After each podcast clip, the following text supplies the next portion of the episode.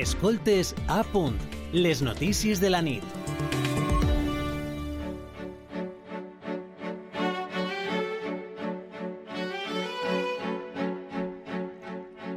Els arxius audiovisuals en ens conten històries passades, ens mostren com hem sigut i representen un patrimoni inestimable i una afirmació de la nostra memòria col·lectiva que, a més d'una valuosa font de coneixement que ens ajuda a créixer i a comprendre el món que compartim. Demà és el Dia Mundial del Patrimoni Audiovisual i diverses activitats ho commemoren este divendres. La majoria en la Filmoteca de València, la Filmoteca Valenciana, que li dedica tota la jornada. La primera està organitzada a les 10 del matí, quan hi ha el taller Què és una filmoteca? Ho explica Aurea Ortiz, tècnica de programació de l'entitat. S'explica una mica en què consisteix aquest treball, també en fragments de pel·lícula, que és la conservació, què significa la recuperació i la restauració de les pel·lícules i com, se, com, com es conserva no? tot aquest patrimoni fílmic. Hem de pensar que, per exemple, des que es va inventar el cinema, de 1895 fins a 1930 s'ha perdut, es calcula, el 80% de totes les pel·lícules que es varen fer. No? Les activitats s'allarguen fins a les 8 de la vesprada i durant tot el dia hi haurà instal·lada una cambra fosca gegant a l'edifici Rialto de la plaça de l'Ajuntament de València. Amb motiu d'esta efemèride del Dia Mundial del Patrimoni Audiovisual, en les notícies de la nit volem conèixer un arxiu audiovisual que ens ha cridat l'atenció. Es tracta del Centre de Documentació del Palau de la Música de València, del qual és responsable l'arxiver i documentalista Enrique Montfort. Bona nit. Hola, bona nit, què tal? Molt bé, amb ganes de, de conèixer este centre de documentació del Palau de la Música, que es divideix, podríem dir, en dos seccions. D'una banda, el servei documental de l'Orquestra de València, de l'altra, eh, el de la documentació que genera el mateix Palau. Què és el que hi podem trobar i quin tipus d'arxius es guarden en este centre? Bé, eh, el centre de documentació del Palau atresora una col·lecció molt important derivada de la seva eh, activitat. Eh, per tant, n'hi ha eh, una gran quantitat de gravacions audiovisuals, de la mateixa manera que també eh, n'hi ha una col·lecció pues, de programes de mà i, per suposat, eh, una base de dades en la qual eh, està tota aquesta informació eh, indexada, de tal manera que l'investigador o qualsevol usuari pot accedir a qualsevol dada que, que vulgui consultar. Uh -huh. Per tant, aquests arxius podem dir que estan digitalitzats o, o estan... Eh, estan en procés. Estan en procés.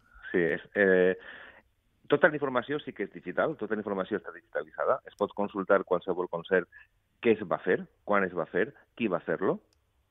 Eh, I eh, estem en procés de digitalitzar tota la, diguem-ne, documentació que cadascuna d'aquestes activitats ha generat. És a dir, les fotografies, els dossiers de premsa, les gravacions audiovisuals, el programa de mà, tot això penja, per així dir, d'un nucli que és l'activitat en si mateixa. Uh -huh. I ha costat, eh, o està costant, aquesta adaptació al procés de digitalització? I tant, i tant. El Palau de la Música té un arxiu molt nombrós. Uh, clar, es va obrir en, en l'any 1987 i és un, un edifici que té una activitat pràcticament frenètica. Eh, per tant, els documents eh, es compten per milers. Uh -huh. De tal manera que, clar, eh, el procés de digitalització no és un procés que tu pugues accelerar, sinó has de fer una, una, una cinta, per exemple, de, de DAT, de, uh -huh. d'àudio digital, has d'esperar a, a que la cinta termine de reproduir-se. Hem calculat que ens costarà pot ser 20 anys. Wow. Arribar, arribar al nostre moment, no? Arribar, diguem-ne, al moment sincrònic en el que estem ara. Bé, n'hi ha un llarg procés per endavant, però sí. bé, passet a passet, no?, que diuen. Sí, i tant, i tant. Uh -huh. I explica'ns en què consisteix el treball de, de documentalista en el Centre de Documentació del Palau de la Música. Què és el que fa Enrique Montfort? Bé, com tu bé has dit, el Centre de Documentació de, del Palau de la Música té una peculiaritat, que és que dona servici tant a una orquestra viva, que és l'orquestra de València, l'orquestra del municipi, com a tota l'activitat que el propi Palau de la Música genera. Per tant, n'hi ha dos, dos eines diferenciades molt clares, no? perquè l'orquestra necessita principalment partitures, que és documentació, i és una part de, de les coses que nosaltres fem. I eh, eh, el que fem és proveir-los de les partitures i les partitures, diguem-ne, precises, no? Perquè, clar, a, això és un món. Això estaríem hores per explicar per què una partitura val i per què no val, eh, temes de d'autor, temes d'arcs, de, temes de, d'apoyatures i tal. I això és una banda, diguem-ne, un 50% del treball. Uh -huh. L'altre 50% del treball és mm, tratar d'indexar, tratar de, eh, com podem dir, eh, manipular la documentació que el propi Palau genera en la seva activitat. Mm, el, tot això que, de, que t'he comentat abans. De tal manera que donem servici, tant al servici de premsa en un moment donat, si ha de consultar pues, quan va ser l'última volta que ha vingut, eh, no ho sé, eh, Barenboim, pues, uh -huh. podem donar-li eh, totes les dades en les quals ha vingut, quin programa s'ha fet i quan va ser l'última vegada que va vindre. O inclús eh, per a temes d'autors, per a mm, compositors que mm, vulguin saber quina repercussió ha tingut la seva obra, doncs anem al dossier de premsa i, per suposat, eh, tenim també eh, totes les gravacions a la qual les persones que tenen interès legítim poden accedir, és a dir, els participants no? en, en, en aquest concert, en un moment donat, pues, els donen també una còpia. Uh -huh. Sobre els I... arxius, uh, has explicat que, que la quantitat d'arxius és ingent. Sí. Um, com de gran eh, és el fons documental, així a grans trets, i, i de quina antiguitat són estos arxius? Des que va començar o ja anteriors a l'obertura de, del Palau de la Música? Sí, naturalment, la part grossa és la part en, de l'arxiu des de l'any 1987, que va ser quan va iniciar-se l'activitat del Palau de la Música. Eh, I, clar, n'hi ha aproximadament al voltant d'unes 5.000 gravacions, unes 100 i pico mil fotografies, n'hi ha aproximadament 500 partitures, eh, bueno, partitures, table d'obres, clar, en partitures mm, com que, com que cada obra porta moltes partitures, uh -huh. més. Eh, tenim aproximadament també unes 3.000 gravacions comercials, eh, tenim unes 700 gravacions de vídeo, i després sí que n'hi ha un fons previ a l'apertura del Palau de la Música que consisteix en una donació que tenim del Montepío de Professors Músics, que va ser una institució eh, que aglutinava, era com una, una mena de sindicat de músics que hi havia, que va ser un, un dels fundadors de, del famós Monte de Piedad, uh -huh. el que després va, es va convertir en la Caixa d'Estalvis. Eh, I ahí tenim un, un fons que és molt, molt interessant, perquè és una part que és una biblioteca, té una part també de tratadística musical, que tenim alguns tractats de música que són del segle XVIII, i té també una part eh, molt important de, de la vida musical de l'època. Ahí n'hi ha un, un llibre d'autògrafs, eh, que conté autògrafs de Manuel de Falla o de Maurice Ravel, Rubinstein i de molts altres grans músics que van passar per València, per a València de finals del segle XIX i principis del, del segle XX. Mm -hmm, ben interessant, la veritat. Sí. Eh, Enrique, hem vist que, que este centre de documentació és eh, ben particular.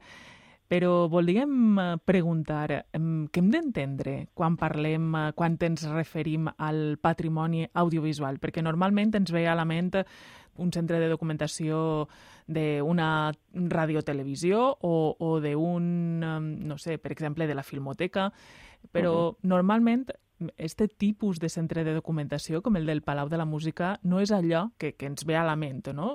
sinó en, en altre tipus, més uh -huh. fílmics, podríem dir, del patrimoni audiovisual. Però, mm, segons eh, el punt de vista d'Enrique Montfort, què és uh -huh. un patrimoni audiovisual? Bueno, patrimoni audiovisual, eh, evidentment, seria tot aquell patrimoni que està d'alguna manera enregistrat o en àudio o, o en vídeo eh, si ens atenem a aquesta definició, diguem-ne, més, més eh, formal, eh, clar, el Palau de la Música té un patrimoni que és, és molt ric, sobretot per una qüestió, des del meu punt de vista, que és que totes les coses que estan emmagatzemades al Palau de la Música són úniques. Van ocórrer un dia concret, en un moment donat de la història. I dona una miqueta igual si va ser un bon concert o va ser un concert magnífic, o si va vindre una orquestra estrangera o va ser una banda d'un poble. Tot això que va passar va passar només en aquest moment, no? Eh, per tant, aquesta captura, des del meu punt de vista, té un, un valor incalculable per la seva unicitat. No sé si m'explique. Uh -huh. Sí, els directes és el que tenen, no? Són únics. Exactament. I després també n'hi ha una part eh, interessant, que és que el Palau ha acollit moltes primeres representacions d'obres d'artistes principalment valencians, tant compositors com intèrprets, que mm, en molts casos no s'han tornat a repetir. Per tant, l'única gravació que n'hi ha d'aquesta música és la que tenim nosaltres. Uh -huh. Una última pregunta. El Centre de Documentació del Palau de la Música està obert a tot el públic? Pot anar-hi sí. qualsevol persona? Naturalment. El, el Palau està, està obert al públic, hi ha investigadors, i l'única cosa que han de fer és escriure un correu a arxivo arroba palovalencia.com i els atendrem. Encantats. Doncs eh, és bo saber-ho per a futures ocasions. Enrique Montfort, arxiver documentalista del Centre de Documentació del Palau de la Música, moltíssimes gràcies per haver-nos obert la porta al Centre de Documentació del Palau de la Música de València i confiem eh, que aquests 20 anys mm, que tenen de feina per davant doncs siguin ben profitosos. Moltes gràcies a vosaltres. Molt, moltes gràcies, adeu. Escoltes a punt, les notícies de la nit.